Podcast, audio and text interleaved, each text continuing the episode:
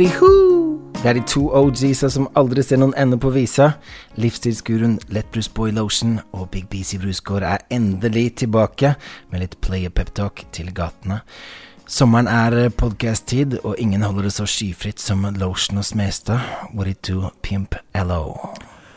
Ja, det er skyfritt ute nå. Nå står til og med vinduet på vidt gap her, så hvis man hører noe sånn uh, holi-ho i bakgrunnen, så er det noe vestkantfester. Det er noe, noe forsing. Det er litt varmt ute. noe barbecues. Mm. Vi er jo såpass svettere at vi kanskje bare går rett på en, eh, en brustest, eller hva, hva tenker du? Ja, vi gjør det. Player J har gitt oss en sånn Dr. Pepper Dark Berry. Én oh. zero og én med sukker. Glimrende med kondens på nå. Jeg liker den jo best uh, lunka uten kullsyre, da. Ja. Skal vi bare åpne? Vi får det. Uh. Jeg har smakt denne her før, for det er sånn som de med jevne mellomrom har som limited edition. Slutt å skryte. Men uh, det er noe sånn eh, Jurassic World-reklameboks, dette her.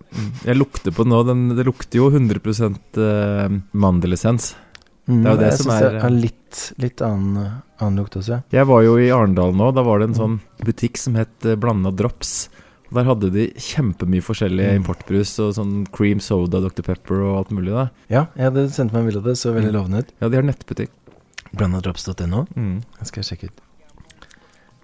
Ja, jeg, jeg syns jo denne her er syns den smaker god- ren Dr. Pepper. Det. Det er god, det er ganske diffust hva som har noe med berry å gjøre her. Det er jo ofte sånn at uh, folk sier sånn Ja, nei, jordbær det er egentlig en nøtt, og liksom sånn derre cashewnøtt er belgfrukt, og kanskje mandelessens er berry. Så det er det, er det som er uh, med berry her, det kan være, jeg, jeg prøver å se på innholdsfortegnelsen her hva, hva slags berry det liksom skal være, men det, det står ikke noe om det. Det står i hvert fall at den er naturally or artificially flavored. Altså naturally er jo sikkert eh, kastorium, da. Det er det nok. Jeg har jo kjøpt kastorium Wow! på internettet. Direkte fra beverens anus. Direkte fra skal, vi, skal jeg åpne det nå? Skal vi ta lukte på det, eller? Kan vi godt. Jeg vet ikke om jeg tør, da, for det er ganske intenst. Ok, er det litt sånn skunkaktig, eller? Jeg har jo ikke åpna det. Nei. Jeg har bare hørt om uh, folk som uh, Første gang jeg hørte om det, så hørte jeg om en dame som hadde bestilt det på eBay, og så hadde hun sølt det litt utover seg selv. Det, Og så skulle hun i et jobbintervju etterpå, og det var ikke snakk om at den lukta gikk bort i det hele tatt. da Det var okay, helt ekstremt Kanskje vi skal vente til- slutten? Ja, vi venter til slutten. Men, men det som var greia, da, var at um, eh, den forsvant i posten. Jeg vet ikke om det var tollvesenet som beslagla det, eller noe sånt. Da, og så sendte de en ny, og da uh, sendte de også med en sånn extra gift. Så jeg har uh, noe annet også oppi der, da, så vi kan jo Det var sånn teaser fram til litt senere ut i episoden. Ja. ja, du har jo et sånt foretak som heter Fabritius eh, Laboratorium. Du burde kanskje switche opp til Castorium Laboratorium, eller hva, hva tenker du? Ja, men eh, det er i hvert fall bra eh, sånn, Det så legit ut når jeg bestiller eh, kastorium til et sånt laboratorium. Da, så de tenker sikkert at eh, jeg skulle bruke det til noe. Men jeg har jo en Ja, vi kan ta Vi tar det etterpå. Ja, Mm. ja. Vi kryper jo fortsatt veldig langsomt mot eh, 100 episoder, da. Jeg føler at når man har 100 episoder, da er man en ekte podcaster, og vi er meget nære å bli ekte podcastere. Ja. Han, eh, vår venn Wolfgang hadde vel 100 episoder på sånn fire-fem måneder. eller Han tar det eh, 100 i uka, tror jeg. Han driver jo remaker sånne Lotion og Smestad-podkaster. Ja, den Christer Falk. Mm. Men etter at jeg var i den eh, Wolfgang V-episoden, den 7,5-timeren, så har det i hvert fall vært mange hundre som driver og tar kontakt med meg. Så det er tydelig at det mm, gjorde inntrykk, eller det, det, er, det er mange, som hører på. Utvilsomt. Vi, det var jo før vi gjorde et eller annet show her om dagen også, hvor vi bare gikk på gata i Oslo, og du ble stoppa her og der av folk som hadde begynt å følge din, eh, din livsstil. Virkelig guruaktige tilstander. Ja, det er jo nesten sånn at eh, jeg kanskje Jeg kan si at jeg er en mer podcaster enn jeg er rapper, da.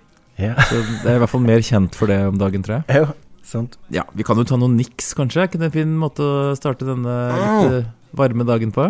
Putte noen niks in the mix.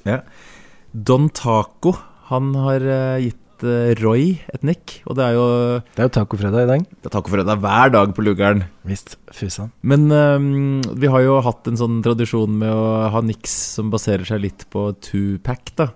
Eller pakk, eller sånn det er pack. Ja. Så hans uh, nikk, da, som er til Roy, og som er uh, litt i den kategorien, det er tobakk. Mm. Ja.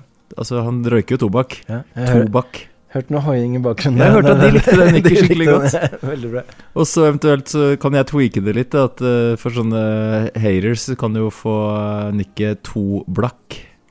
Too black Det er altså ikke black, da, men for uh, Ja, jeg skjønner. mm. Sånne bootleg ballers. Ellers så har jeg et annet nikk som jeg har funnet på selv. da Hva, hva er det han het, han derre Han uh, Trondheim-rapperen Stil et eller annet? Ståle Stolt Stil. Ja, jeg er Roy Stil, med altså S-T-I-H-L, da. Mm. Veldig bra. Mm. du får med Ståle på en annen collab, da. Ja. Det Kan være sånn Ståle Stil og Roy Stil, Men of Steel, sånn duo. Siden eh, det er litt sporadisk med disse podkastene, så har jo mye av det nikk-greiene endt opp med å bli diskusjonsfeltet på Instagram. Og jeg, jeg legger jo ikke spesielt mye ut på Instagram heller, for jeg legger jo kun ut på Strava. Men da var i hvert fall eh, Når jeg la ut en sånn eh, bilde med en sånn kar med den Roy refleksvesten, da. Apropos det, hvis dere har lyst til å supporte, så må dere gå inn på harrytassen.no og så kjøpe litt merch, ellers så brenner jeg inne med innmari mye. Gjør det. I hvert fall eh, sånn eh, tilbake da til han eh, Ståle Stil. Da foreslår Rafael Perez Stil van Eijk. Aha. Og vi har, det er jo rød tråd, for vi har Mm. vært innom Stig van Eijk tidligere, men Mm. Stil med H, da. Elsker det. Og så var det da en som parerte med Dette er jo da en rød-playe, da. Martin Jonsred Sundby. Og Jonsred er også sånn um, motorsagmerke, da. Det er liksom de tre merkene. Det er Huskvarna, Stil og men Veldig bra. Og så var det en som dro på med sånn fortsatt sånn tømmerhogging-greie, da, med kløyving Leonardsen. Det er jo sånn man gjør med ved, når man kløyver ved. Mm. Så ja, mye vedrelatert, uh, timber-relaterte niks her. Han eh, Rafael han var jo faktisk og leverte en sånn uh, Jaffa Cake kaffe til oss også. Eh, kaffe med Jaffa Cake-smak. Nå er det litt for varmt akkurat i dag, men eh, kan vel være at vi rekker en episode til før året er omme. Vi kan teste når det har blitt litt mer sånn minusgrader og sånn. Ja, kanskje vi rekker det i løpet av dette tiåret. Jeg har jo slutta med kaffe, da. Men jeg får, får ta en liten eh, comeback for å teste den kaffen eh, på et eller annet tidspunkt. Det, det som er at Jeg, jeg slutta med kaffe litt sånn tilfeldig, og så merka jeg at eh, søvnkvaliteten min har blitt sinnssykt mye bedre. Det slår også ut på den søvnappen til Garmin. Og hvilepulsen min har gått ned med fem slag i minuttet, da. Så derfor så tenkte jeg at eh, nå la jeg leave that coffee alone. Coffee's a killer. For det har jo vært en sånn uh, coffee brother. Uh, I hvert fall i studio har det gått unna en del kopper opp gjennom årene. tror eh, før jeg slutta, så drakk jeg kanskje 25 kopper om dagen. da Wow. Jeg drakk hele tiden. Det var såpass intenst. Det er det som heter kjededrikking. på en måte At når eh, kaffen blir kald, så varmer jeg den opp med å helle bare på mer. Og dette var ikke noe sånn fancy latte-opplegg, det var eh, bare black coffee. Ja, det er black coffee, men jeg bruker jo en sånn Nespresso-maskin. Men der har jeg faktisk en sånn eh, Jeg har noen rants, da. Kanskje jeg skal ta og spare det også til litt lenger uti. Men eh, en av de rantsene går på Nespresso-maskinen, da. Ok, nei, gaten elsker Ja. rants, bare Ja, ja, eh, det, man blir jo veldig grumpy når man ikke får kaffen sin, da. Så jeg har, jeg har flere rants, faktisk. Okay, okay. Mm. Her teaser vi masse som skal skje. Du ga jo meg et nikk eh, her for eh, ja, sikkert noen måneder siden, da, for det er jo langt mellom podkastene, som var inspirert av The Weekend, som bare er helga. Mm. Ja, det er Roy-aktig. Ja, det er Roy. Mm. Det er også flere som har eh, sendt melding og lurt på eh, vi ikke syns det er sylfrekt at han eh, stjal den biten til Braille-stilen 4, da. Så det, det legger man merke til. Ja, det var jo frekt at han bare tok den Colbits-biten der, altså. Mo.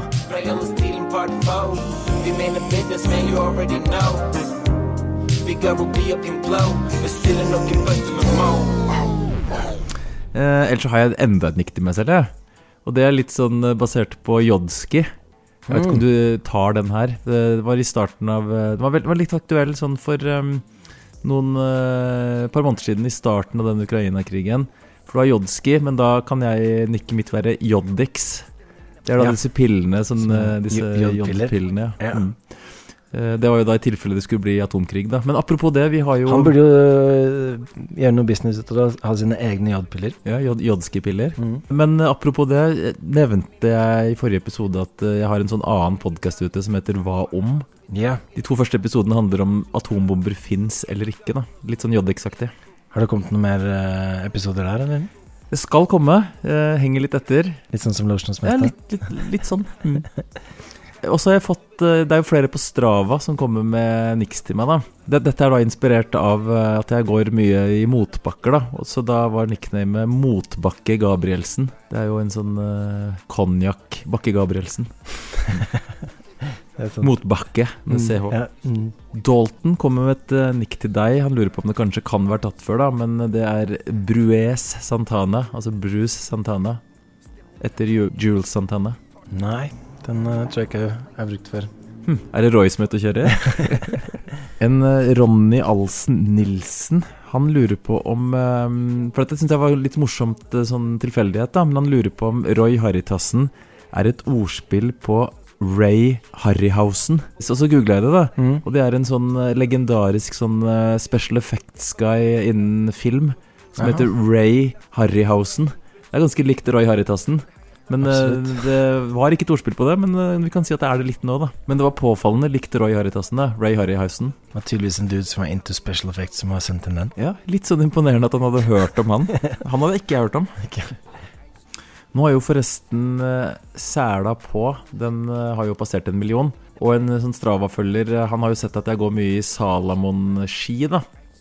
Og da lagde han en sånn uh, mashup av det, at det er Pimp Sælamon istedenfor Mm. Sæla på. Ja, Jeg syns den, synes den satt, det. over par i den. Mm. Aksel han har et spørsmål. God morgen. Et spørsmål til eh, DPF, eller PBF i parentes, som kanskje kan besvares i podden en gang i løpet av tiåret, skriver han.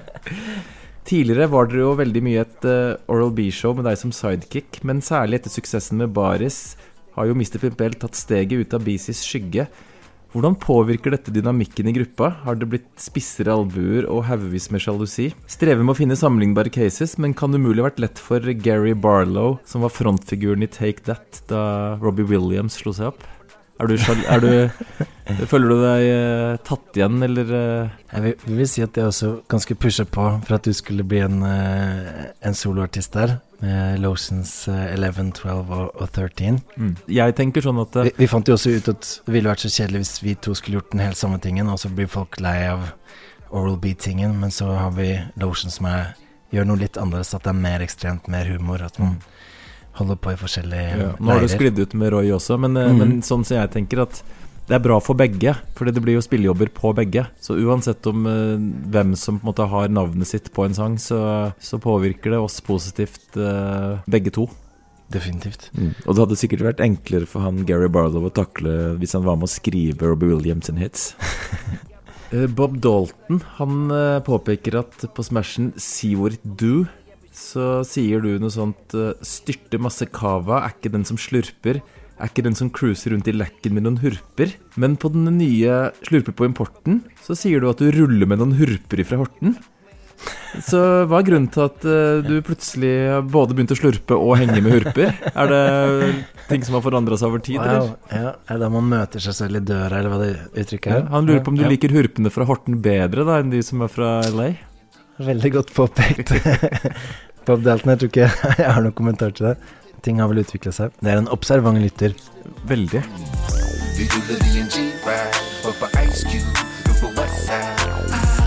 Ruller en med noen hurper ifra Horten. Stemningen er banging og vi slurper på importen. Få ting er jo viktigere enn å holde gatene à jour på hvordan ekte players lever, så vi må nesten spole tilbake litt og ta en sånn eh, recap på hva vi har drevet med de siste månedene. Det har jo vært busy, det har vært en grunn til at det ikke har kommet uh, nye podcaster også. Ja, det har vært eh, ganske bra jobbing i mai og juni. Mhm. Vi har forresten spilt inn en annen podkast også med han Augustus eh, som gjest, men eh, der er det tydeligvis et team som skal godkjenne podkasten, og det har tatt en åtte til ti uker, tror jeg. Mm. Så vi får se om det kommer ut. Er det Team Rekesalat, eller? Garantert, de kommer vi tilbake til senere. Vi har jo, eh, jeg har jo den dobbel berne. Jeg lurer på om jeg kanskje jeg kommer med dobbel rekesalat. Det blir en ny låt, da. Tror han Player J er klar for å joine på den i hvert fall. Men eh, tilbake til disse showene. Vi må spole helt tilbake til april. Da var vi jo i Hemsedal. Reise til Hemsedal i sånn range mode, som du har på denne E-tronen. Og var ganske sånn hutrende og, og kaldt, den, den turen der. Nei da. For å spare på batteriet. Ja, jeg har jo da på bilen så er det en sånn modus som gjør at eh, den kan komme lenger på en lading, da. Og en av tingene som eh, skjer da, er at den kan ikke gå over 90 km i timen. Og varme- og aircondition-anlegget skrur seg av, da. Det var nesten som frostrøyk inni bilen. Så jeg husker i hvert fall at når vi kom fram til Hemsedal og stoppa for å lade, så gikk vi inn på en sånn coop der. Og da gikk vi inn, og så sto vi og varma oss på varmdisken, hvor de hadde liksom sånn der Varm kylling og burger og sånn. Ja. mm. Og så kom en dame bort. Ja, hva skal dere ha? Nei, vi bare står og varmer oss, liksom. Sånn sånne Sånn uteliggere som står foran sånne tønner. Og jeg husker også at du sikla veldig på en sånn OL-outfit fra Phoenix som henger inne på Hemsedal Sport der. Det var litt uklart om det var en eh, kvinne eller manns Uh, Ja, det er en frakk. hvit frakk, men Ja. det visstnok er herreutgaven, da. Aha. Men eh, det, altså man var jo litt dandy på Jeg lurer på om det er Kanskje Ja, det var vel midten av 90-tallet, tror jeg. Var det noe sånn Nagano? Nagano? Jo, det var Nagano. Ja. Det, var det 98? Jeg tror det var 98, ja. Mm. Når vi først er inne på det, en som heter Aksel, han har sendt meg en melding og pirka litt på den eh, jakka mi, da. Mhm. Fordi han sier at uh, hvis man skal være 110% pirkete, og det liker jeg jo, så eh, kom den Phoenix-jakka som jeg har, da, den kom eh, med sin egen kolleksjon til VM i Morioka. Og, så min er fra 1992-93-sesongen, og ikke 94, da. Så det er året Ah. før OL på Lillehammer. Men det er den kuleste. Ja. Så, eller styggeste, da. I hvert fall når man har sånn snusgreier, eller hva det er for noe som du har sølt, sølt. Jeg fikk den jo for jeg gikk, Når jeg gjorde ligninga nå, da, så gikk jeg jo, da fant jeg ut hva jeg betalte for den, og det var sånn 300 kroner eller noe sånt. Fordi den har sånn grusom flekk på seg, da, som enten er hundebæsj eller snus. Så jeg fikk den jo veldig billig, da. Svenskene er jo ikke snus, så kanskje det var en fra det svenske landslaget som har vært innom der Ja. og brukt den. Men eh, jeg satser på at det er hundebæsj. Så når vi reiste opp til, eh, til Hemsedal der, så eh, det var jo sånn siste Det var en sesongavslutning i, på skistua der oppe. Og vi prøvde å få tak i lydmannen uten hell for å høre når vi skulle ha soundcheck og sånn. Og da tok jo du kontakt med Erik fra Erik og Chris, som også skulle spille. Jeg husker bare at han svarte et eller annet, for han skrev ordet 'kreder', som var en sånn skrivefeil, men at vi fant ut at det hadde vært det perfekte vestkantnavnet. Liksom sånn 'Hallo, det er Kreder Felix Wilhelmsen her. Jeg har bestilt Vippor. det syns jeg noen av våre vestkantlyttere, hvis dere skal ha barn nå, kall barnet for Kreder. Men nå som jeg har Roy Haritassen jeg har litt lyst til å lage et nytt alias som er sånn sinnssykt sånn konservativ, snobbete vestkantgutt. da Det kan jo være Kreder. Ja, det er kreder. ja, det blir det neste Oh, aliaset. Det skal bli ganske gøy å lage en sånn megasnobbe-alias, da. Da må jeg rappe med sånne tynn L og sånn, Ja. sånn skall og Det er litt sånn nasalt for det. Det blir bra. Du hadde jo han Nikolai til eh, Var ikke det en sånn character han hadde, han eh, Robert Stoltenberg. Ja, for jeg var- baserte jo litt Harrytassen på Roy Narvestad. Mm. Og nå blir det en ny sånn eh, litt sånn Nikolai-aktig type som heter Kreder, da. Det gleder jeg meg til. Det her må vi ikke glemme, da. Gatene får minne oss på det hvis vi glemmer det. Eh, men når vi var oppe i Hemsedal der, så var det jo mye funny som skjedde. Du var jo da på sånn eh, din vanlige nesepust-ting, og skulle da løpe opp til eh, skarsnuten med gaffa foran nesa før showet. Og det Ikke, er- ikke foran nesa, da. Foran munnen. Eh, det er sant. Det er ganske bratt oppover der. Motbakke Eh, Gabrielsen. Ja, det er motbakke Gabrielsen. Du kom jo ned i tid og så ikke altfor svett ut heller, men eh, det var litt ganske knallhard løype, det der. Ja, det som var greia var at eh, det er et sånt norsk eh, brillefirma som heter eh, Tropical Vibes. Og så hadde hun Vi har jo fått briller tidligere, da. Og så ville hun gi hadde hatt et par hvite da som jeg hadde sikra litt på, som hun ville gi meg. Og så var det litt sånn logistikkgreie, for hun hadde en sånn pop-up-store der oppe. Og sånn Ja, men jeg jogger opp, jeg. Og det, hun trodde jeg tulla, da. Men jeg kom jo opp med sånn Bjørndalen-slim som eh, rant ut av nesa. Og sånn. Ja, er, jeg føler at det er litt underkommunisert hvor mye slim fra nesa som kommer på, på nesepust, eh, skigåing og, og løping og sånn. da. Det, Det er det er ikke det mest classy. Nei, det er det ikke. Men jeg har en gladnyhet fra den eh, konserten oppe på Hva het det der? Det derre utestedet? I Hemsedal. Ja. Skistua, Det er skistua, ja. Mm. For at vi kjørte opp der, så parkerte jo vi litt sånn bak det huset, sånn ved siden av en container eller noe sånt. da Mm.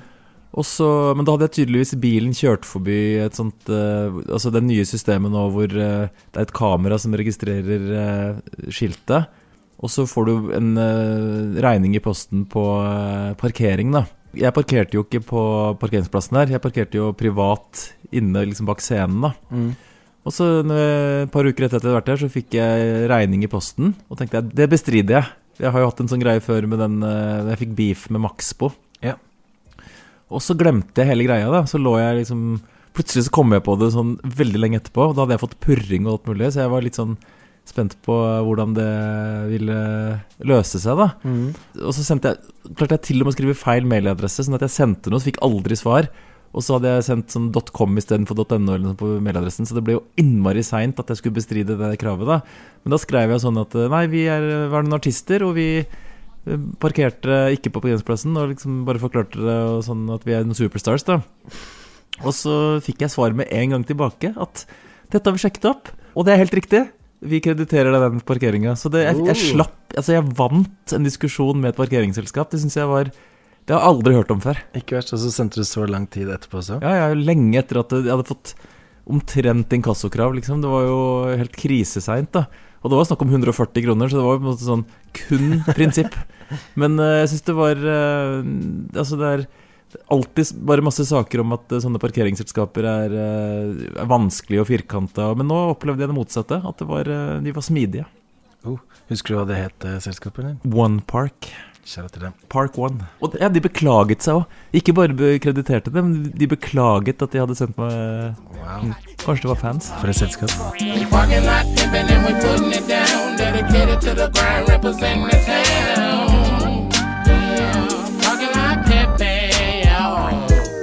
Det som var litt gøy på Hemsedal-showet, var jo at han eh, DJ Thomas Giebelhausen, altså den ekte DJ Dan, varmet opp for oss og introduserte oss. Og sæla på med Morten Ramm som leker at han er Giblausen, var da første låt ut. Så det var sånn intro på intro Ja. med lignende greier. Og så var låt nummer to var Peach Canai med outro fra Howard. Så det var Legendary morsom start DJs. på, på showet. Ja. Ja, det, som, eh, det som ikke er gladnyhet fra Hemsedal, da, var at vi gikk på den smellen å ikke ta en selfie med DJ Giblausen. Mm. Det, det var dårlig. Det var skuffende. Mm. Eh, Men eh, det, var mye folk der. Mye, sola kom når vi gikk på scenen, og det var god sånn påskestemning der. Men det var, det var kanskje litt vel god stemning blant noen. Jeg så at det var en del eh, folk som gikk med sånn afroparykk der. Det er vel litt sånn Det er ikke blackface, men det er black hair, i hvert fall. da Det er vel ikke Eh, noe prinsipielt noe forskjell på blackface og afroparykk. Det, Det er tydeligvis litt, litt eh, men- legit i skimiljøet, da. Og uh, kjære til Erik og Chris også. Vi hang jo med dem backstage der. To glade gutter. Chris hadde jo gått opp en 20 kilo, og Erik hadde gått ned 20 kilo. Så det, Så det gikk opp i opp. ja, det gikk opp i opp. Litt sånn Heland og Halland-type skitt. Men på vei ned fra skistua så husker du at det var to sånne åpenbart uh, tipsy hoes som plutselig bare åpna opp døra på bilen din og satte seg inn bak og bare 'Vi skal til Stavkroa!' Starksons. Vi skal til Starksons. Ja. Som om vi var i Uber-bransjen. Og liksom begynte Ja, vi har bestilt VIP-bord til 900 kroner på Liksom uh, Tror du det var damene til Kreder, eller? De var kanskje litt for harry for kreder, men uh, Men de var fra Oslo vest, det kan Ja. jeg garantere. Det var mm. Tina og Bettina, var det egentlig. det var det. Det der er ikke Mark Jacobs, det er Mark Fakeups. Haha, det er ikke Michael Kors, det er Michael Ljugekors. Altså, fake bra da, eller skada, ikke snakk til meg. Nada. da Det var to skandaløse house. Men det var en litt slitsom øh, dag, for vi skulle jo da gjøre show i Oslo på kvelden. Så var det liksom kjøre opp til Hemsedal, gjøre show, kjøre ned igjen. Ha en liten timeout, og så var det 30-årslag på øh, Torshov. Um, Var det den rogjengen? Det var den rogjengen, ja. Jeg husker jo at uh, du løp jo dit også, Ja, jeg jogga jo Mm. til dit, ja. Mm. i tillegg til samme dag som du hadde løpt eh, opp til Skarsnutten der. Jeg skjønner nå litt hvorfor jeg er så sliten om dagen.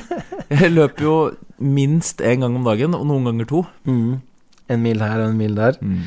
Og da du kom dit, så var du sånn Spurte du, skal du ha noe, og så sa du ja, kan godt få litt eh, bobler. Og så eh, gikk det en stund, og så kom det en fyr tilbake med En First Price, sånn uh, kullsyrevann. bootleg Farris. Ja, shit, altså. Der var du ikke så fornøyd. Nei, det, det var ikke min, min type bobler. Nei. Men eh, jeg tror ikke det var så mange som hadde drukket den bootleg Farrisen av de som var gjester der, for der var det rimelig høy stemning og en veldig festklar eh, crowd. Vi gikk jo på scenen der, men det gjorde folk også. Mm. Så vi var omringet av eh, players og chicks fra, fra alle kanter. Ja. Mm. Jeg er ikke så glad når folk står bak meg. Nei, det er litt utrygt. Og så er det sånn når du En sånn klassisk greie når du står med mikrofonen, og så går jo albuen litt ut, og så skal det så lite til for noen skumper borti albuen din, og så Smeller slår du mikrofonen i rett i munnen. Da. Jeg husker i hvert fall det var noen chicks som tryna over scenen der, og det var, det var ganske voldsomme greier. Og det var mildt sagt forferdelig lyd i starten. Det var sånn utrolig lavt, sånn at vi hørte alle konversasjoner eh, rundt omkring. Og det var eh, midt under showet så så jeg at ok, høyttalerne i lokalet er vendt i andre retning enn der noen fra publikum står. Det var liksom bakerst i lokalet, vendt mot bakdøra. Det var jo litt originalt. Så da sa jeg fra til deg, og så løp du ut og fikk, fikk snudd på det. Da ble det plutselig langt bedre lyd og enda bedre stemning i, i crowden der. Så det var stigende, stigende stemning. Så det er jo på en måte litt sånn triks også for å ha en stigning i, i, i showet. Vi spilte jo en gang på det der utestedet nede i Bygdøy allé. Da var jo første halvdelen av showet var jo hvor at DJ-en hadde skrudd ned tempoet med sånn 10 Meget seigt. Hun da skrudde det opp når vi poengterte det, så ble det jo tidenes takeoff. Så det kan vi gjøre neste gang, at vi snur høyttaleren feil vei og starter med altfor lav, lavt tempo. Da kan det bare gå oppover. Men eh, ja, jeg vil si at den, den gjengen der var litt sånn derre Typisk sånn utsultet på party post corona-gjeng. Var en eh, ung spiller som het Sven Ole, som, som fylte 30 år, så salutt til han. Men eh, det ble, det ble jo takeoff, da.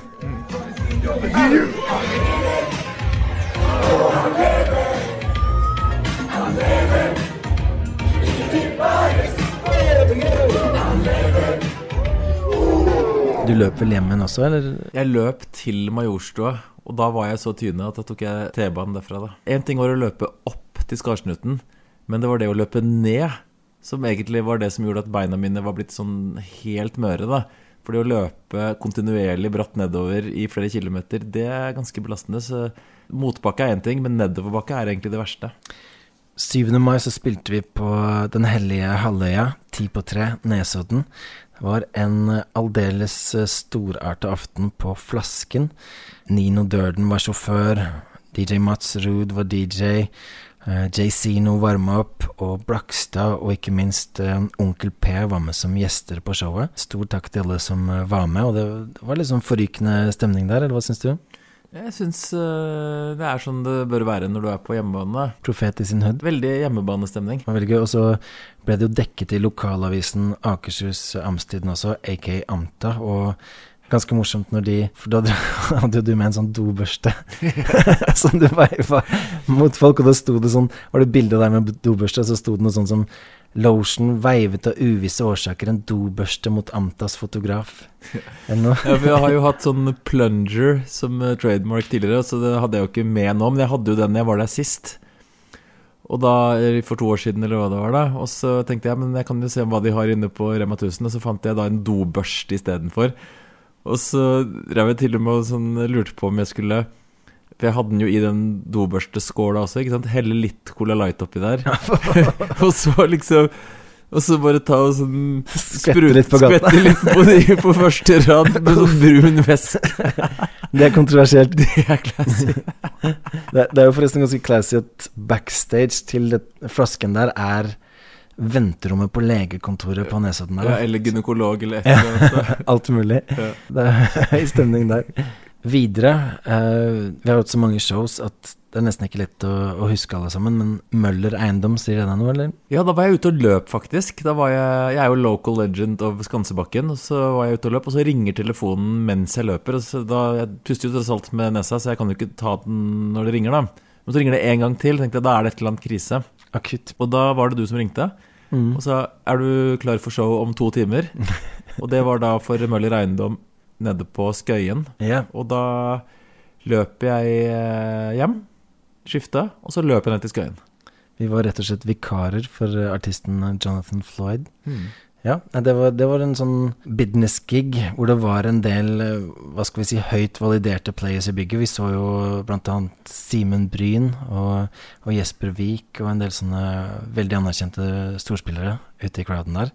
Så det ga oss jo en god følelse. Men det var litt sånn reservert gjeng i begynnelsen. Vi måtte jobbe ganske knallhardt for å, for å komme i gang der.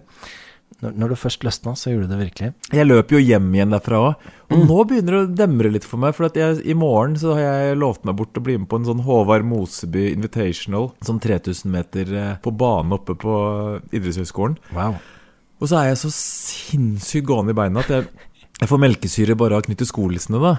Men nå begynner jeg å skjønne litt hvorfor, når jeg hører hvor mye jeg driver og løper. Sånn eh, presser det inn mellom shows og før og etter shows. Og kan hende jeg kanskje overdriver. Er det sant at du var eh, nylig i Kristiansand dyrepark med familien også, og da la inn en løpeøkt mens de spiste middag, eller? Ja, Inne i dyreparken? Jeg må jo løpe hver dag, det står jo i programmet. Og da var det eneste måten å få logistikken til å gå opp, var at jeg løp 50 minutter inne i dyreparken og litt sånn rundt inne i Kardemommeby og sånne ting. da Og så havna jeg ofte inn i et spøkelseshus, løp helt i mørket. Altså, det var Shit. overalt, da. Og jeg snyter meg hele tiden sånn eh, ja, jeg fikk eh, Jeg la merke til at eh, noen så rart på meg. Og så løp jeg faktisk forbi Eller jeg traff på han eh, Bjørnar Krogh, han DJ Taus, som er produsent for Kenneth Engebretsen. Og så stopper han opp for han vil snakke, da. For det er, jo, det er jo ganske naturlig at man slår av en prat når man møter kjentfolk. Men jeg bare Nei, men jeg er ute og jogger, så jeg må bare cruise videre. Så jeg så han jo ikke, så beklager den at jeg Neste gang skal jeg hilse. Men eh, du klarte jo ikke å komme deg unna fra Møller, da, for det var jo såpass mye nesepust-freaks og sånn som skulle snakke med deg etter showet også, så ble værende en stund. Ja, ble ganske lenge. Men eh, kom meg løs til slutt, og da jogga jeg hjem. Og det er bare motbakker. Motbakke Gabrielsen. Eh, og så var vi på Kumas eh, karaoke cup, hvor vi har spilt en del ganger før. Der var det også veldig liv, og eh, jeg husker bare at jeg fyrte opp noen sånne linjer der. Backstage med Davido er på Kumas karaoke cup, gatene de digger disse bangene, vi koker opp. For Davido var jo der, og det var noen andre tryllekunstnere, og det er liksom en sånn finurlig miks av tryllekunst, karaoke og, og gangsterrap. eller? Og buktalere. Man får litt sånn freakshow-følelsen av det. Mm. Eh, Det var en sånn catwalk-scene også, men eh, veldig velvillig publikum som eh, sang med på karaokebangers og, og begynte på buden og alt mulig. Da jogga jeg også hjem. Ja, og du, du hang jo backstage med han eh, Er det Jamal Rake han heter? Han fra VGTV. Ja, som uh, Dere debatterte litt sånn kaloritelling og rulleski og, og den slags. Og nesepust. Og nesepust, ja. Mm. Men han, han var sånn uh, sverga til kaloritelling, og det er noe som du ser litt ned på, er det ikke det? Nei, det er kalorier uh, Det er en myte. Akkurat. Mm. Men eh, du hadde jo denne Roy-refleksvesten også, så eh, når vi kom dit, så var det sånn vakten var usikker på om du skulle jobbe der. Han trodde jeg skulle overta på han.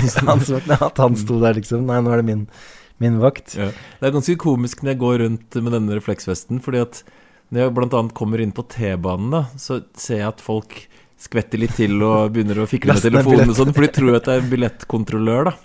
Noe så enkelt som å bare ha på seg en refleksvest, så tror folk det er noe et eller annet sånn offisielt med en gang, da. Og da spurte han dørvakten så hva heter du, og da sa jeg bare Roy.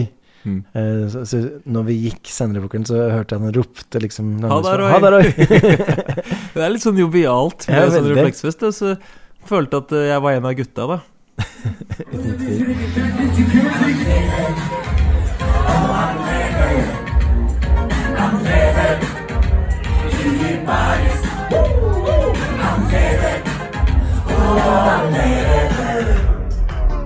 Og så var det nok et show dagen etter.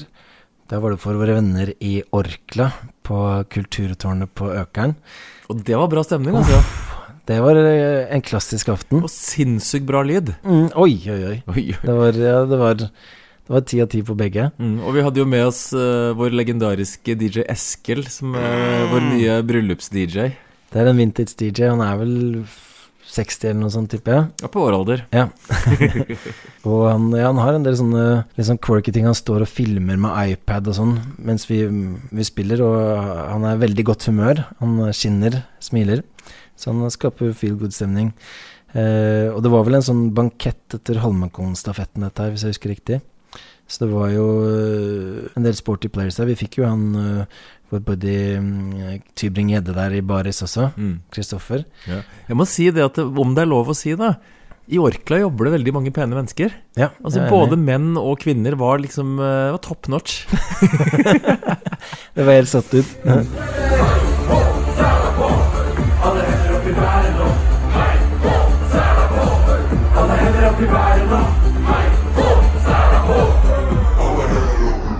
Eh, Men dagen etter så skulle du ha konfirmasjon for babylotion, og så eh, Hvordan gikk det? Var du sliten, eller? Det var jo at vi spilte på Orkla på kvelden etter konfirmasjonen. Det stemmer, det var etter konfirmasjonen. Ja, ja. Mm. Så var, konfirmasjonen var ferdig kanskje ni, og så var det rett hjem og dra og spille. Det er sånn Snakk om å switche mellom daddy og playe. Ja, det er pappa versus play, altså. Mm. Og du skulle ha fars tale og sånn, ble det noe, noe playershit, eller? Ja, altså uh, Baby holdt jo tale før meg, og hun roasta meg i talen, da. For at på Oppsal så er det en sånn eh, Tror jeg, da. Sånn jeg husker det når jeg konfirmerte meg, var at jeg syns det var det mest pinlige jeg har gjort noensinne. Da. Det var sånne sanger basert på noen sånne Sånne kjente sanger hvor de bytter ut teksten som handler om meg. Og liksom noe sånn Jeg syns hele opplegget var ekstremt pinlig. da så jeg, at, så jeg trodde at det er sånn Det er det som er konfirmasjon. Da skal den som konfirmerer seg, bli skikkelig pinlig berørt. Og det har jeg fortalt henne helt siden hun var liten. da Hvis hun gjør et eller annet sånn dumt. Ja, bare vent, dette skal jeg fortelle om i konfirmasjonen. Men hun kom meg i forkjøpet da begynte å roaste meg istedenfor. Så det er kanskje tydeligvis uh, den, den nye trenden, da. Jeg Kan du avsløre noen av de, eh, de tingene du tok opp? Alt som jeg var flau over, det kom fram i den talen der, da. Fikk du Jeg kjøpt tror hun snakket en halvtime.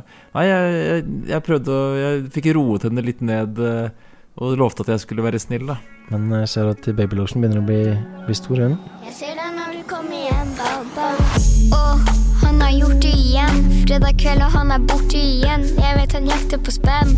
Pappa er min aller beste venn. Jeg skriver meldinger med hjerter, og jeg trykker på sam. En annen ting som var litt som Pappa versus Player, var jo eh, Uka etter så spilte vi to show på en kveld hvor vi starta med litt sånn hagefest på Nordstrand i femtida. For uh, våre venner eh, Big Bialisi og, og Dr. Eddie. Der var det jo en del kids, og du brukte jo dette lekestativet som, som scene. så det var, var feel good-stemning. Var en del eh, unge bosser eh, som ble oppdratt på den korrekte måten der. Jeg tror aldri vi har eh, spilt i en sånn type fest hvor det krabber litt babyer rundt på gulvet, og noen sånne to-tre-treåringer rundt, og jeg high fiver litt med noen sånne kids og sånne. Det var vel en kar som kanskje var sånn fire-fem som også endte i baris under, under baris der. Mm. Så han eh, er legit. Apropos det, vi har jo egentlig lovt bort at vi skal spille i en sånn treårsbursdag. Nå kokte jo det litt bort eh, fordi at det var midt under den der lockdownen nå i februar, da. Men jeg har- vært i kontakt med moren, og hun er veldig gira på at vi skal komme og spille på en sånn barnefest. da Ja, Så vi må bare gjøre det. Utvilsomt. Unplugged. Eh, men eh, han Halvard, han, han bossen som hadde, hadde booket oss, han eh, eh, hadde jo et bachelorparty for en god del år siden hvor eh, han og jeg lagde en låt også som heter Big by Alice, som faktisk ligger på, på Spotify også. Vi kan jo høre litt av den, så vi spilte den låta også her. Den er veldig fet, faktisk. Er banger.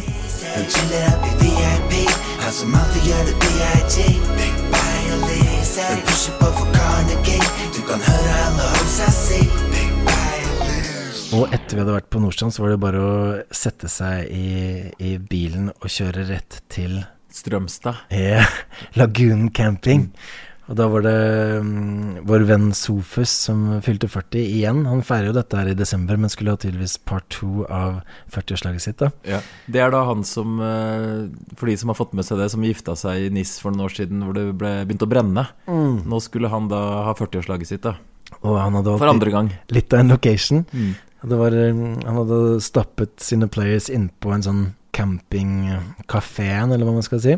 En slags sånn bule som du kan kjøpe litt øl og kanskje Pizza, bestille pizza og kebab og sånn. Og så Ja. fire, fem, seks bord der inne, da og noen sånne piknikbord utafor. Det var ikke akkurat noen scene, det var satt opp noen høyttalere akkurat ved der de sto og stekte mat. Så det var, trengte ikke noen røykmaskin eller noe sånt. Det var sånn stekos og litt sånn røyk også, fra også, maten. Og så var det jo bare sånn at han hadde spurt de som drev det Er det greit at vi spiller noe musikk her. Så de visste jo ikke helt hva det var engang. Så ble det da rigga opp med noe PA-anlegg og sånn, og så tok jo vi bare over hele. Altså Da satt jo noen andre folk i grilldress og spiste middagen sin og sånn. Jeg tipper at det var kanskje sånn seks til ti bord med andre folk Mm. som var der, og de var ganske oppi åra. Ja, de var veldig oppi åra. Men det som jeg virkelig må si da, det er at campingmiljøet er et ekstremt jovialt miljø. For jeg kan se for meg at uansett hvor et annet sted man hadde tatt over på den måten der, da Ullern. Kreder hadde ikke godtatt det grønne der.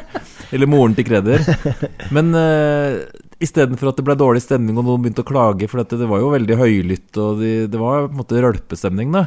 Så blei mange av disse litt oppi åra med grilldresser og sånn, de ble med på konserten, da. En sånn skikkelig eldre kar, han var kanskje i 70-årene, han var helt med og I og, og, og, og, ja, jo, dro oss til baris, og når det var sånn der call and response-roping Han svarer, og så, Og så, men det mest legendariske var jo det, disse to så ut som mor og datter eller noe sånt, hvor Ja. kanskje moren var 70 og datteren var eh, 50.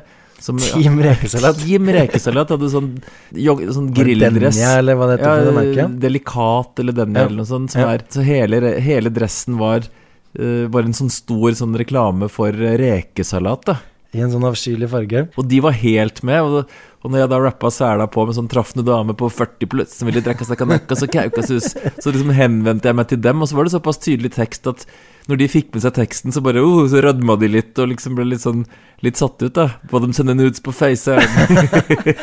Ja, de var feel good, altså. De var sporty. Så det var flere da inne på det Altså det tok helt av. Det ble kjempestemning. Altså det var kjempestemning med, med de gjestene i 40-årslaget, men det blei skikkelig bra stemning med disse randomsene som var sånn campingturister, da.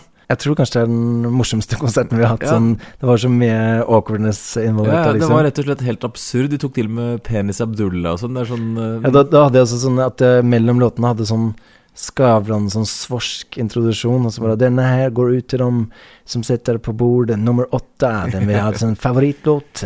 'Penis Abdullah'. Og så var jo Petter Pilgaard var jo en av gjestene der. Ja. Og han ble jo da ekstra gira på at eh, For vi snakka jo lenge om at du skulle spille i bryllupet hans. Mm. Han kom bort og bare 'Vendela må ha baris i bryllupet'. Kommer tilbake til det litt senere. Men det var eh, et supergøy show. Når, når vi dro derfra, så var det også noen andre sånn eh, litt eldre på 60 pluss som hadde fått med seg showet, som skulle ha klem og sånn når jeg gikk derfra. Så de var veldig fornøyde. Jeg tror jeg må gjøre om teksten. Jeg traff noen dame på 60 pluss som ville drikke sakanekkas og kaukasus. Så det, vi drar gjerne tilbake dit. Mm. Eh, så rakk vi en sånn lyntur innom Maximat også, så det var en, litt av en aften. Passe komisk sånn, og, eller sånn eh, kontrast, da. Første konserten eh, på en sånn megaclassy villa i eh, Nordstrandsåsen med utsikt over Oslofjorden, og så nummer to inne på et, eh, en campingplass på en sånn bule der. Lagoon.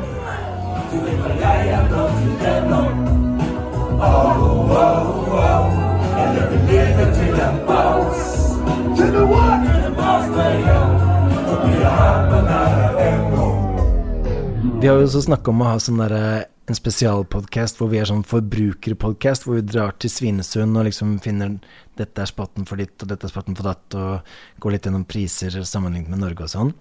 Og nå har jeg funnet en sånn plug som er ekspert på området, som er villig til å ta oss med, da, som kan være sånn Tourguide. Vil helt sikkert være anonym, men han er fra Østfold og har fullstendig greie på harrehandel. Han Så- kan alt om Svinesund og, og og Nordby og mm, Ja, ja. så jeg ja, Det må vi gjøre. gleder meg til det. Da tenker vi at vi bare tar med den recorderen din, setter den i bilen, og så, så kjører vi løpet.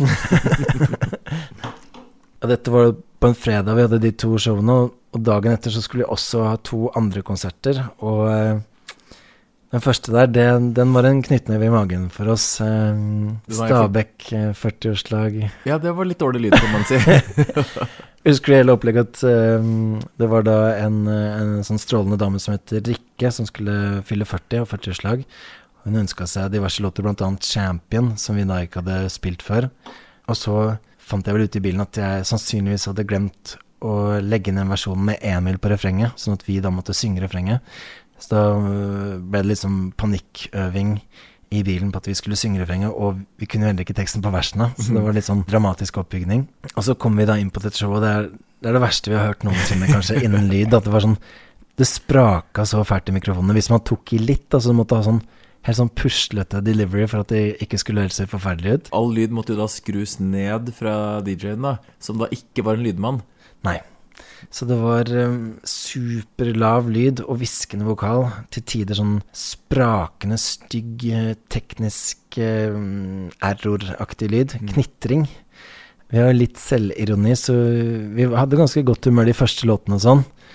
Men så begynte det liksom å komme låt etter låt, og sommeren for meg Lyden ble lavere og lavere, verre og verre.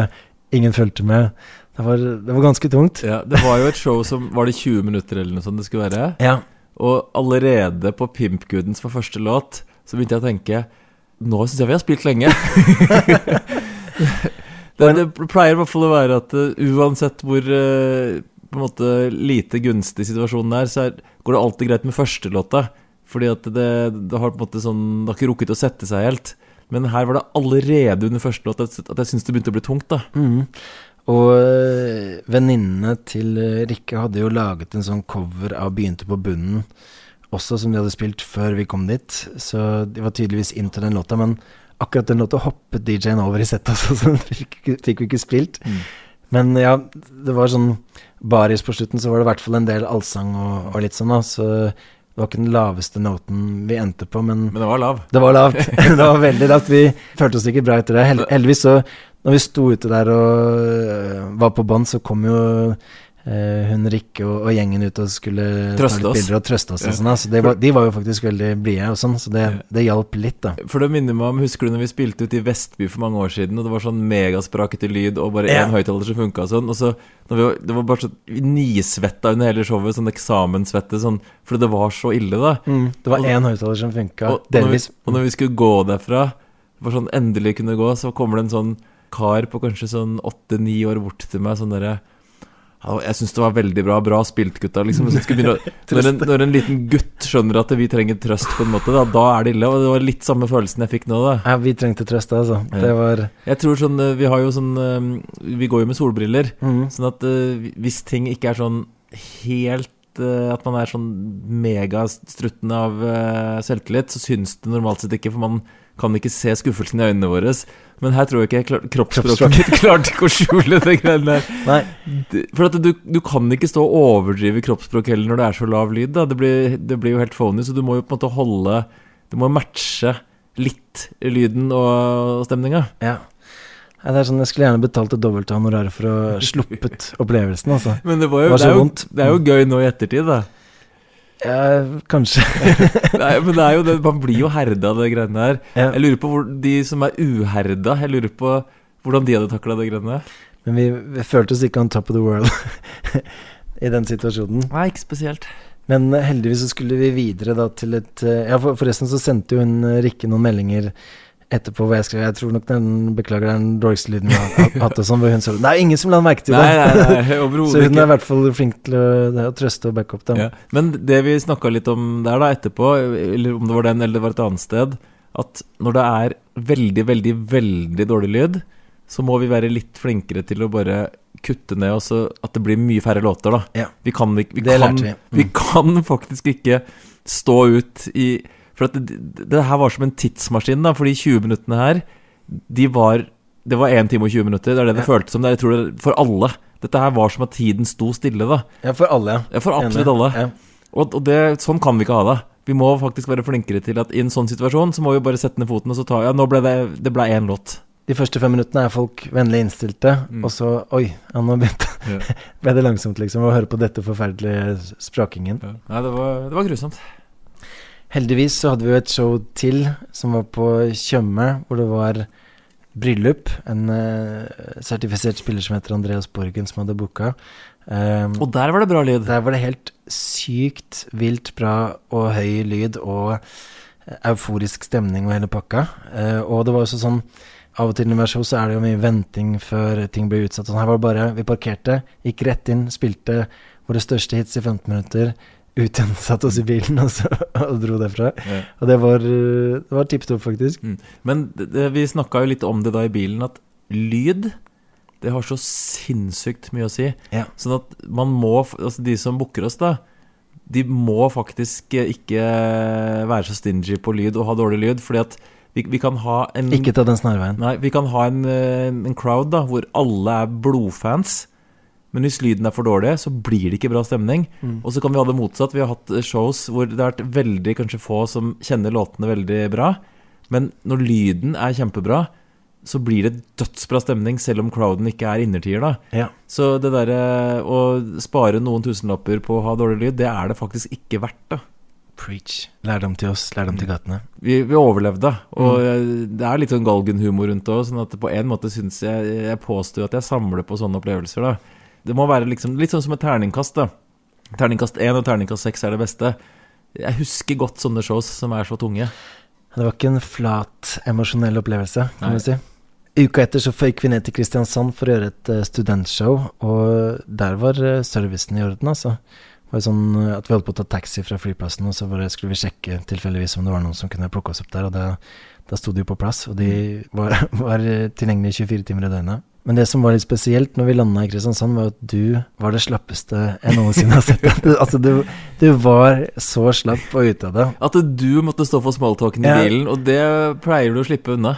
For vi har sånne ganske typiske roller når vi lander et sted eh, og blir henta, så setter du deg foran, begynner å skravle om nesepust og fasting og, og samme gamle smørja, og så eh, holder det gående, og, og jeg sitter bak og liksom fyller inn med noen kommentarer her og der. Men nå var det omvendt. Du satt satt deg bak og sa ikke et ord, og virka veldig reservert og helt slått ut, så jeg måtte være deg i, i den situasjonen. Hvordan var det å være meg? Nei, det funka ganske bra. Jeg var Snakka du ganske, nesepust, eller? ganske god form. Jeg, jeg tror jeg droppa, droppa nesepustdelen, men Jeg dro jo rett på hotellrommet og prøvde å sove, da. Altså, jeg var helt på felgen. du var skutt. Jeg hadde rett og slett løpt for mye, da. Men jeg løp jo Likevel så kom jeg på hotellrommet, og så sov jeg et par-tre timer. Og så dro jeg opp i Baneheia og løp, eh, løp der, da. For at det står jo i programmet at jeg skal trene hver dag. Ja, for det må du fortelle om. Du har jo fått en sånn ny eh, Hva skal man si, en sånn greie som du har festa på skoene dine når du løper, som måler veldig nøyaktig vind og alt mulig. Ja, det er noe som heter stride. Det er en sånn brikke som man eh, fester til skoen. Som da registrerer alt mulig data. da Det skal være veldig, veldig nøyaktig. Og så både sånn Det koster penger i selve brikka, og så har du et sånt abonnement som koster på en måned. Så det er liksom litt sånn eh, råflott. da Så da tenkte jeg at da må jeg i hvert fall utnytte meg og, og få det de til å lage et opplegg til meg. Men er det da autogenerert, eller er det noen personer Ja, det er, det er autogenerert, men Ja. det tar jo utgangspunkt i alt av info som det får inn, da. Ja. Og så, så begynte jeg å fylle ut, så da, det første den spør, er da sånn Hva er målet? Og det var jeg usikker på, for jeg har jo ikke noe mål. Men da valgte jeg at målet er Ja, trass, ja. Da valgte jeg at målet skal være å løpe Altså, jeg skal trene fram mot en ti kilometer, da. Breiale-milen. Mhm. Så det, er- det er jo riktig at jeg valgte det, da. Ja. Og så, og så spør de hvor ofte vil du trene? Og så bare var jeg litt sånn, hadde litt overtenning, da, så jeg svarte jeg skal trene sju dager i uka. Det har jeg merka nå etter hvert, at det er jo litt sånn logistikkmessig litt eh, komplisert og litt slitsomt å ikke ha en eneste hviledag, da. Så da kunne jeg jo ikke ha noe hviledag i, eh, i Kristiansand heller, så da ble det jo Jeg var jo så tynn at det, jeg klarte jo ikke å snakke i bilen engang, altså jeg følte meg helt syk. Ja. Og så klarte jeg å få sovet litt på hotellrommet, og så dro jeg og tok denne løpeturen i Baneheia, da. Og så dagen etterpå, da eh, klarte jeg å skvise ut løpetur før vi skulle på flyplassen. det er sant. Du slipper jo heldigvis å bruke tid på dusjing, da, for du bruker jo bioterm. Jeg bruker ikke det lenger engang, jeg da. Wow. Jeg bare, jeg lukter ikke Kutta ut kaffe. Ja, alt er, alt er bare Det er asket. Ja. Men hvordan var showet? Ja, det- det som var ganske morsomt, var jo at på lydsjekken så møtte vi jo denne um, lydmannen Kirkesola fra Sørlandet. Mm. Det er litt den type. Ja. Han er på en måte Du og han er ganske fikserte på lyd. Ja, vi er litt sånn eh, Kan vi kalle oss nerder? Det er mye snakk om hertz og, og den slags. Og så begynte du da, mens vi har soundcheck, å snakke om hvor opptatt du er av S-ene mine. Og han snakker da med mikrofon sin og du står med mikrofonen sånn at alle rundt i lokalet hører samtalen. Og det er sånn, ah, han er helt forferdelig S-er, og av og til så må jeg gå inn og legge inn mine egne S-er på hans S-er for å, bytte dem ut, og sånn. Og han nikka sånn, ja, Og så ba han deg si litt sånne ja, så var det sånn, S-setninger. kan, du, kan du si uh, 'Sussebassi Mississippi? liksom jeg bare sånn uh, Ok, Sussebassi Mississippi. Åhå! Liksom Han fikk helt sånn vekket avsky hos han. Og han kom med fullt av sånne tips som du kunne gjøre på disse S-ene og, Ja. og sånn. Men, men han er helt rå lydmann. Han har sånne, Ja. har sine egne mikker hvor han måler eh, lyden i rommet der, da, og så og tviker uh, lyden ut, sånn at det tar hensyn til hvordan klangen og hvordan på en måte hele rommet påvirker For det var egentlig et skikkelig drittrom. da Det var jo sånn, litt sånn betongrom som potensielt kunne blitt forferdelig lyd. Og- Men han eh, klarte å tweake det sånn at det ble bra, da. Så, var, vi trodde at lydsjekken skulle vare i ett minutt. Det varte jo en time eller noe sånt. Mm. Men uh, dere hadde noen uh, spennende samtaler der som Mm. kanskje ikke var for alle. Ja, Litt sånn om kompressorer og, og litt frekvenser. Ja. Men uh, stor kjærlighet til han. Vi burde nesten bruke han på sånn Rockefeller eller noe sånt en gang. Ja. For, for å sjekke om det hjelper på lyden. Mm. Det som var litt problemet med det showet der, var at uh, det var jo samtidig som Champions League-finalen. Og så var det på selve skolen, som lå litt sånn grisgrendt uh, utafor sentrum, da. Så jeg fikk jo inntrykk av at uh, det ble Det var en konkurranse mellom oss og Champions League. Og Champions League ble utsatt hele tiden også, for det var noen sånne Opptøyer eller Opptøyer og styr, ja. ja. Og så Sånn at det var jo Kunne vært større crowd, da. Men det var ganske bra stemning. Det Og var så, men så går brannalarmen midt i showet. yeah. Eh, og ikke bare at Først trodde det var en sikring som gikk, men det var brannalarmen som gikk, da. Og så måtte vi ut. Og så var det noen sånne i gule refleksvester som var eh, ganske regelryttere. Da, som ikke bare måtte man ut, men de var veldig strenge. Og man måtte gå forlate hele campus og gå over en vei. Og så måtte vi sto vel der en halvtime, tre kvarter eller noe sånt. Så når vi da kom inn igjen og skulle fullføre showet, så var det jo redusert ganske betraktelig antall mennesker, da. Mm. Så det ble ganske intimt på slutten. Ja, og du må jo også si at uh, disse vaktene, de uh, Vi var jo ute en tur mens vi venta på at Champions League skulle, skulle bli over. Uh, at vi gikk en tur, og du kjøpte lettbrus som du hadde åpna opp. Men du ble nekta adgang til din egen konsert fordi du hadde åpna lettbrusen, og de visste ikke hva som kunne være oppi der. Nei. Og da måtte jeg stå utafor og drikke, den, drikke opp den lettbrusen da, sammen med vanlige folk. Men så var det jo noen, eh, noen fans som hadde med seg litt drikke til oss. Mm. Og, Importen. Ja, og da tenkte jeg i hvert fall at eh, sånn Da hadde jeg noen uåpna brus. Så det måtte jo være greit å få med seg inn der, for da er det jo i hvert fall ikke noe, noe At man har tatt noe muffens oppi, da. Mm. Men det fikk jeg heller ikke lov til. Uh, og så krangla jeg veldig, da. Og så til slutt Ja, det var greit at jeg tok det med inn, men jeg måtte ikke åpne det der inne. Og, og det er sånn Hvor er logikken i det? Uh, Jeg var glad i å bestemme. ja, nei, det var, eh, det var rett før Roy klikka, da. Vi hadde noen spillere fra disse Conventus Croquet som var oppi der også. Han ene var jo veldig gira på at vi skulle lage en låt om Davy Vatne. En slags sånn gjenoppreisningslåt for han etter metoo. Vi har ikke, har ikke gjort det ennå, men Nei, men det må jo komme, da. ja. Og så var det jo en som hadde bursdag, som jeg tror han het Jostein eller noe sånt. Ja, som var, eh, han kom opp i scenen på Baris, da. Han fylte vel 30, og han var i fyr og flamme. Og, og alle disse gutta her hadde hørt på selvfølgelig Wolfgang V og var veldig opptatt av å snakke om nesepust og fasting og, eh, og alt det der som eh, det går i. Mm, Smørja. Men eh, det var også litt funny. Før vi dro til konserten, så var det et bryllup på hotellet. Hvor vi bare satt i lobbyen der, og eh, jeg drakk en halv- halvliter, og så satt vi bare og venta, og da var det en i bryllupsfølget som plutselig snudde seg mot oss og sa det er en skandale at de ikke har peach canai på menyen. Og det er skandale. Ja. så det var, eh, det var en på oss. Og så eh, dagen etter så var det jo sydenstemning i, i Kristiansand der. Veldig deilige vibes. Jeg klarte i hvert fall å skvise ut en joggetur eh, før vi skulle bli kjørt til flyplassen. Så da fikk jeg skvisa ut en ny joggetur rundt i Kristiansand der, da. Det var imponerende, altså. Nå har du faktisk gjort det hver dag i flere måneder. Mm. Og du løp jo også når vi var i Trondheim. Ja, ja. Spilte for eh, Enevo, eh, sommerfest der. Da løp jeg før konserten, og dagen etterpå, før jeg skulle til flyplassen, så rakk jeg en intervalløkt. Helt vilt. Men jeg må jo gi en stor salut til vår venn eh, Big Bangstad der oppe, da, som plukka oss opp. Og han eh, har jo sånne tradisjonsrike vorspiel med sine homies og oss hjemme hos seg selv Mm. før, før showene. Det var jo eh, veldig hyggelig. Der var det faktisk en av vennene hans som hadde en del sånne glemte Oral B-låter fra sånn tidlig 2000-tallet. En som het Gangster Swing, blant annet, som jeg ikke hadde hørt siden da. Det som var litt spesielt, da var at tidlig neste morgen så skulle jeg fly til Oslo og være med datteren min sin skole på en sånn slags feriekoloniopplegg til Hudøy i fire-fem dager. Eh, med teltsoving og ansvarsbarn og hele pakka. Og lage en sånn sang. Og lage en Hudøy-sang for annenklassetrinnet som skulle være med en sånn konkurranse. Eh, men vi var tilbake på hotellet i Trondheim sånn 11-tida, så tenkte jeg å, digg, da får jeg en god natts søvn. Men jeg sov ikke ett sekund. Jeg begynte å tenke på denne låta, og rakk Mm. og hele pakka. Og reisefeber. Ja, så jeg var lys våken hele natta, og så var det kom jeg til flyplassen, jeg fly forsinka, Um, så jeg skulle da ta det sånn Hudøy-buss med alle barna og voksne klokka 11, da, jeg landa sånn kvart over ti på Gardermoen. Kom løpende ut, ingen taxier å se.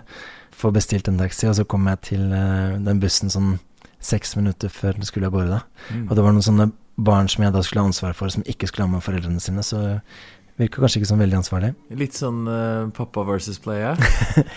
Definitivt en sånn type, type situasjon. Og når vi da kom til Hudøy, så var det rett i gang med å lage, lage en låt, da.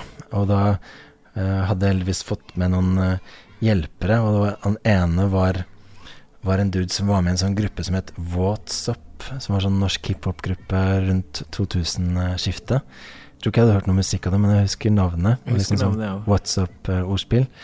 Og fikk også hjelp av en av dudesa som var med i den eh, punkgruppa Amulet. Mm. Så det var, var egentlig ganske høy kvalitet på disse som eh, var med å skrive låta der. Og det ble, ble ganske kult. Og det var jo sånn Barna skulle velge mellom noen forskjellige beats, og det var blant annet en Subwoolfer Give That Mm. A Banana. Så tenkte jeg ok, dette er sånn barnevennlig låt som de garantert velger. Men så endte det med at det ble 50-50 med den og en sånn Tiesto Ava Max-låt som heter The Mado, som er litt tøffere. Og det gikk faktisk for den. Så jeg tror jeg har litt på, på tape her fra, fra framføringen. Og da var det jo foran hele skolen. Kan du, kan du høre litt på det her?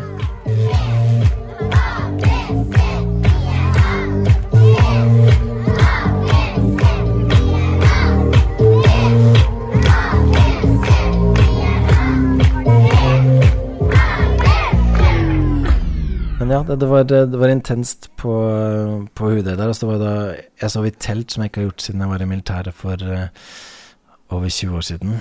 Og det var litt av et spetakkel. Det var en sånn partybukt, for det var sånn pinsehelgen. Hvor det var en del sånn partybåter som hadde lagt til rundt Vestranda der hvor jeg skulle sove. Eh, mye sånn optimist eh, Mye anteigen Jahn Teigen fra båtene med, med ralling og sånn. Og så var det sinnssykt med fuglelyder. Jeg hadde også tatt opp det. Kan du, kan du høre litt her? Litt sånn Jumanji-aktig. Absolutt. Sånn var det hele natta, liksom. Dette er sånn fire om natta. Det er ikke noe for en bygutt. Nei, men det var en av disse fuglene som jeg digga lyden til. Da. Det er sikkert noen sånne odontologer der ute som kan si hva dette er for noe. For det var nesten litt sånn derre FX-sound som vi kan bruke på, på beats. Det er litt sånn flexetone.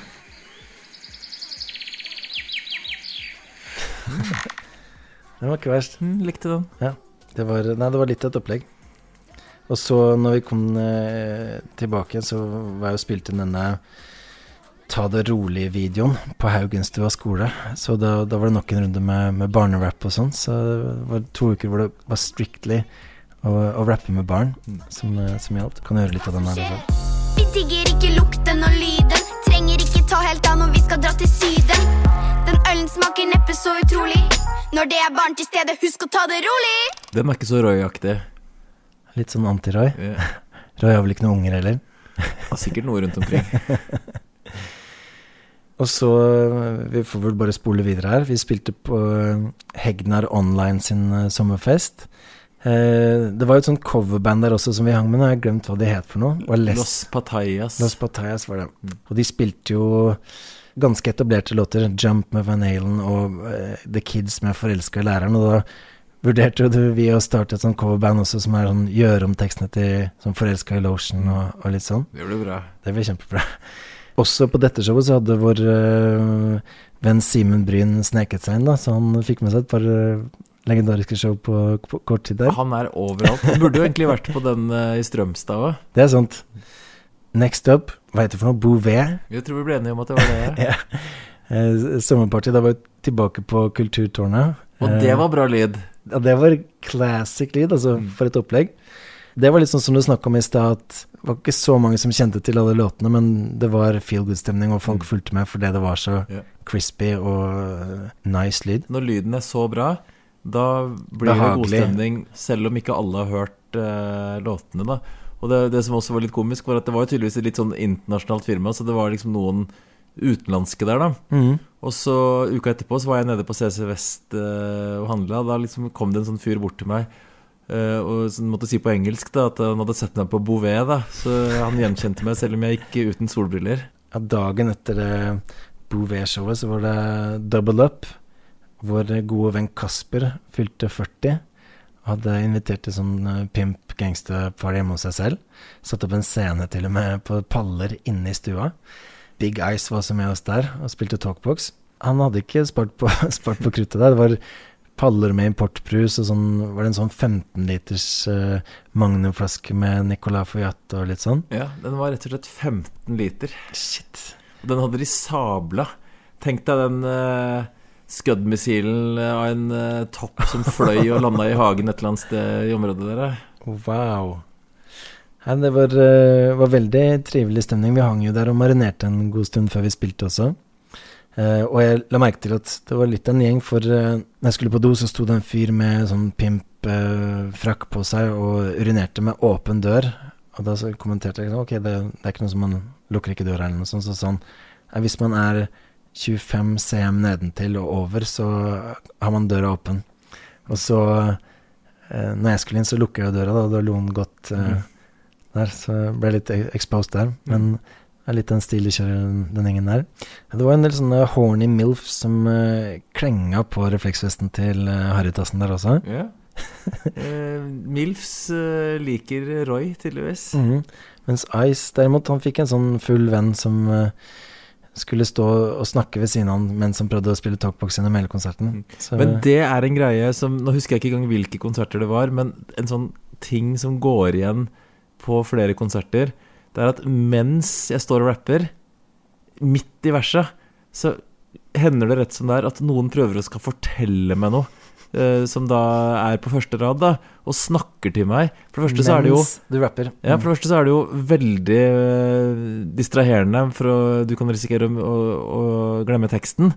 Men hvordan tror du at jeg skal kunne svare på en ting, og i det hele tatt få med meg hva vedkommende sier, når jeg rapper samtidig? Det er litt spesielt. Ja, det er helt utrolig. Eh, men så ble det jo en tur med Ice som skulle kjøre oss videre til show nummer to den kvelden, som var et bryllup oppe på Sporten, vårt eh, stamsted. Mm. Uh, og da plukka vi også opp datteren til uh, Ice på turen, og det, det ble litt en, en tur. Hun du, du, spurte ganske intenst Det var utspørring om, om den nye kjæresten, om, om de kyssa og Ice var veldig komfortabel, i hvert fall.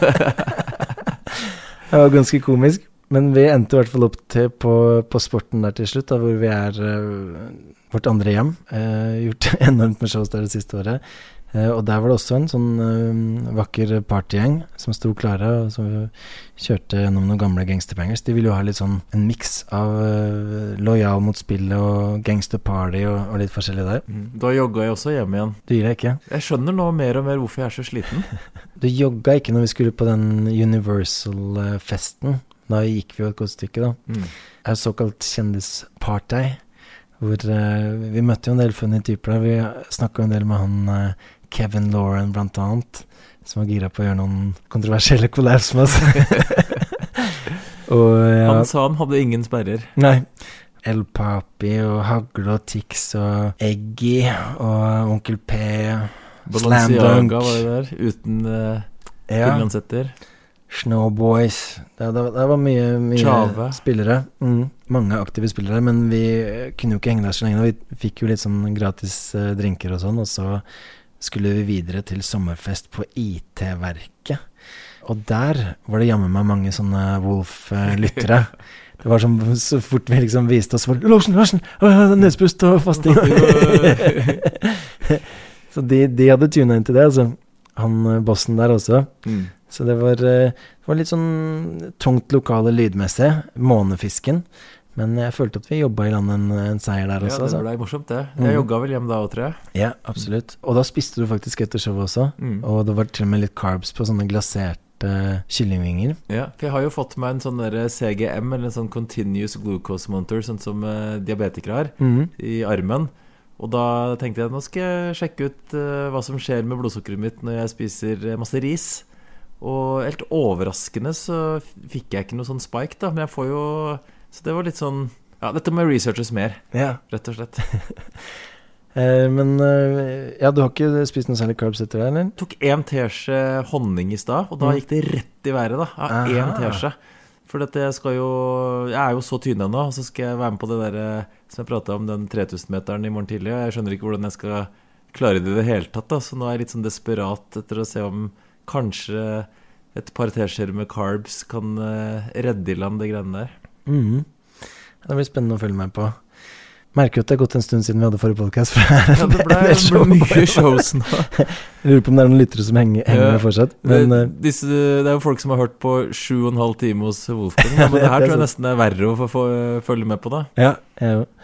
Men ja, nå nærmer vi oss faktisk slutten. Eh, det siste runde var hvor vi var på Hanka, eh, og da var det sånn taushetsklausul rundt hvem vi spilte for og hva som skjedde, altså det kan vi ikke si så mye om. Men vi kan si at det var et grusomt vær, som det også har vært før når vi har spilt på Hanke. hvor det har vært noe sånt rainstorms ut av denne verden på vei ned. Og ikke bare regna det, men det var også utrolig kaldt. Ja, og sinnssyk vind. Mm. Måtte ta båten over, og så måtte vi gå et godt stykke i dette forferdelige været, også Mm. på Hanke, til dette Hanke spa-hotell, eller hva det heter for noe, fjordhotell og spa. Og det var jo litt eh, spesielt type sted. Det var sånn, kommer inn der, så er det en sånn daff, sånn der keyboardspiller og en saksofonist som sitter og jammer i lobbyen og eh, spiller litt og klimprer litt, og så går de inn og spiller sånn 10 000 røde roser Mm. på sånn slapt volum, mens det sitter liksom tre-fire og konverserer rundt der. Og eh, da spiste vi faktisk en treretters når vi var der, men det var ikke sånn at vi kunne få den backstage, var det det? Jeg skjønner jo litt når de skulle servere masse retter, da. Men der også, nå lærte vi jo for at det, vi, hun var så streng, hun hovmesteren, så vi liksom vi bare Vi bare adlød hva hun sa, da. Men det er ikke så bra for sånn um, surprise uh, på scenen når vi blir ferska i å sitte eh, i restauranten der eh, rett utenfor der hvor de, festen foregår, da. Nei, det var jo også Sulele og Jesper, så vi satt da i sånn synsvidden til de, de andre som, som var på festen. Så nei, det ble ikke noen stor surprise. Men uh, det, det var Stor surprise var kanskje lyden, da, for den var ganske forferdelig. Men eh, stemningen var jo helt uh, suveren, da. Mm. Det må jeg si. Men da var jeg, den dagen var jeg skikkelig forkjøla. da. Du ble smitta. Jeg ble veldig overraska om ikke Soliel og Jesper ble smitta i bilturen også. altså. Du, du hadde vel ikke sovet, eller det var, det var et eller annet styr? Du, du var ikke helt i toppformen Nei, jeg var uh, ganske tynne. Og så skulle vi jo rett tilbake derfra og spille i bryllupet til uh, Pilgaard og Vendela. Mm. Uh, og der, der var det jo et kjendisparty uten like. Vi, vi spilte jo noen av våre klassiske bangers, og hadde også med Staysman der på sela på. Eh, og ja, Stace, jeg syns han virker litt overraskende edru og beskjeden den kvelden. Hva, hva tenker du? Han var vel kanskje litt tyne, han òg, da. Kveldens uh, kjendissladder. Ja. At han var så virka edru. Det skal vel mye til for at han skal, skal drikke mye øl før det syns. Mm. Ja, men nei, da, da tror jeg det var punktum. Så det var litt et maraton. Ja, Da får vi ta alt det vi tisa i starten med rants og kastorium og alt mulig sånn. Det blir neste podkast, da. Mm. Jeg tror det er på tide å snakke om noe annet enn en show også. Mm. Men uh, det spørs. det er mange, mange i tiden fremover også. Får håpe det blir litt lite shows framover, da. Mm. Vi spiller jo blant annet noen sånne offentlige shows nå i, i sommer. da Når er det det er den eh, på Lekteren? Er det i august? 5. august på Ja. Lekteren, Uh, Aker Brygge. Da spiller disse Chris Abolado og Broiler og litt forskjellig også. Ja, det er vel en sånn slags festival-ish greie. Sånn den dagen vi spiller, er da fredag 5. august. Da. Så hvis noen skal kjøpe billetter, så må de iallfall kjøpe til den dagen. Og 29. juli spiller vi på Stangholmen fyr med Morgan Solele og, bandet. Så det blir uh, trivelig. Vi må jo prøve å få til noen flere podcaster i, i sommer Ja, også. vi får bare druse på. Sånn, eh, alle andre har jo podkastfri i sommer, så da får vi Vi gjør alt motsatt av alle andre. Vi har ingen podcaster ellers i året, men vi tar alt på sommeren. Ok, vi må ikke glemme at uh, jeg slapp et nytt album i dag, da. Uh, Lojal motspiller Boosterdose med ti nye bangers. Kan du høre en av, eh, en av dem her til slutt? Kanskje introlåta? La oss gjøre det. Der er det jo litt snakk om, uh, om lotion og Smestad og sånn òg. Mm. Her kommer Booster Business. Judge. Vi snakkes, gutter. Det er Lotion Smestad, gutta fra casten. Dette er en banger du bør blaste ned i nesen. Dette er en banger du bør blaste ned i din hongshi. Blast opp i klubben når du står og nipper dampi. Strictly for de som fortsatt er med oss. Som stikker ned til Cali, mener hogger på trails. Som vet at Ice også er en av tidenes trios. Vi gjør det her for triple OGs, Vets og bangeren kom Pios. spilleliste. Din fucking spilleliste. Jeg så din breezy og en villediste. Da vi steppa opp i kor.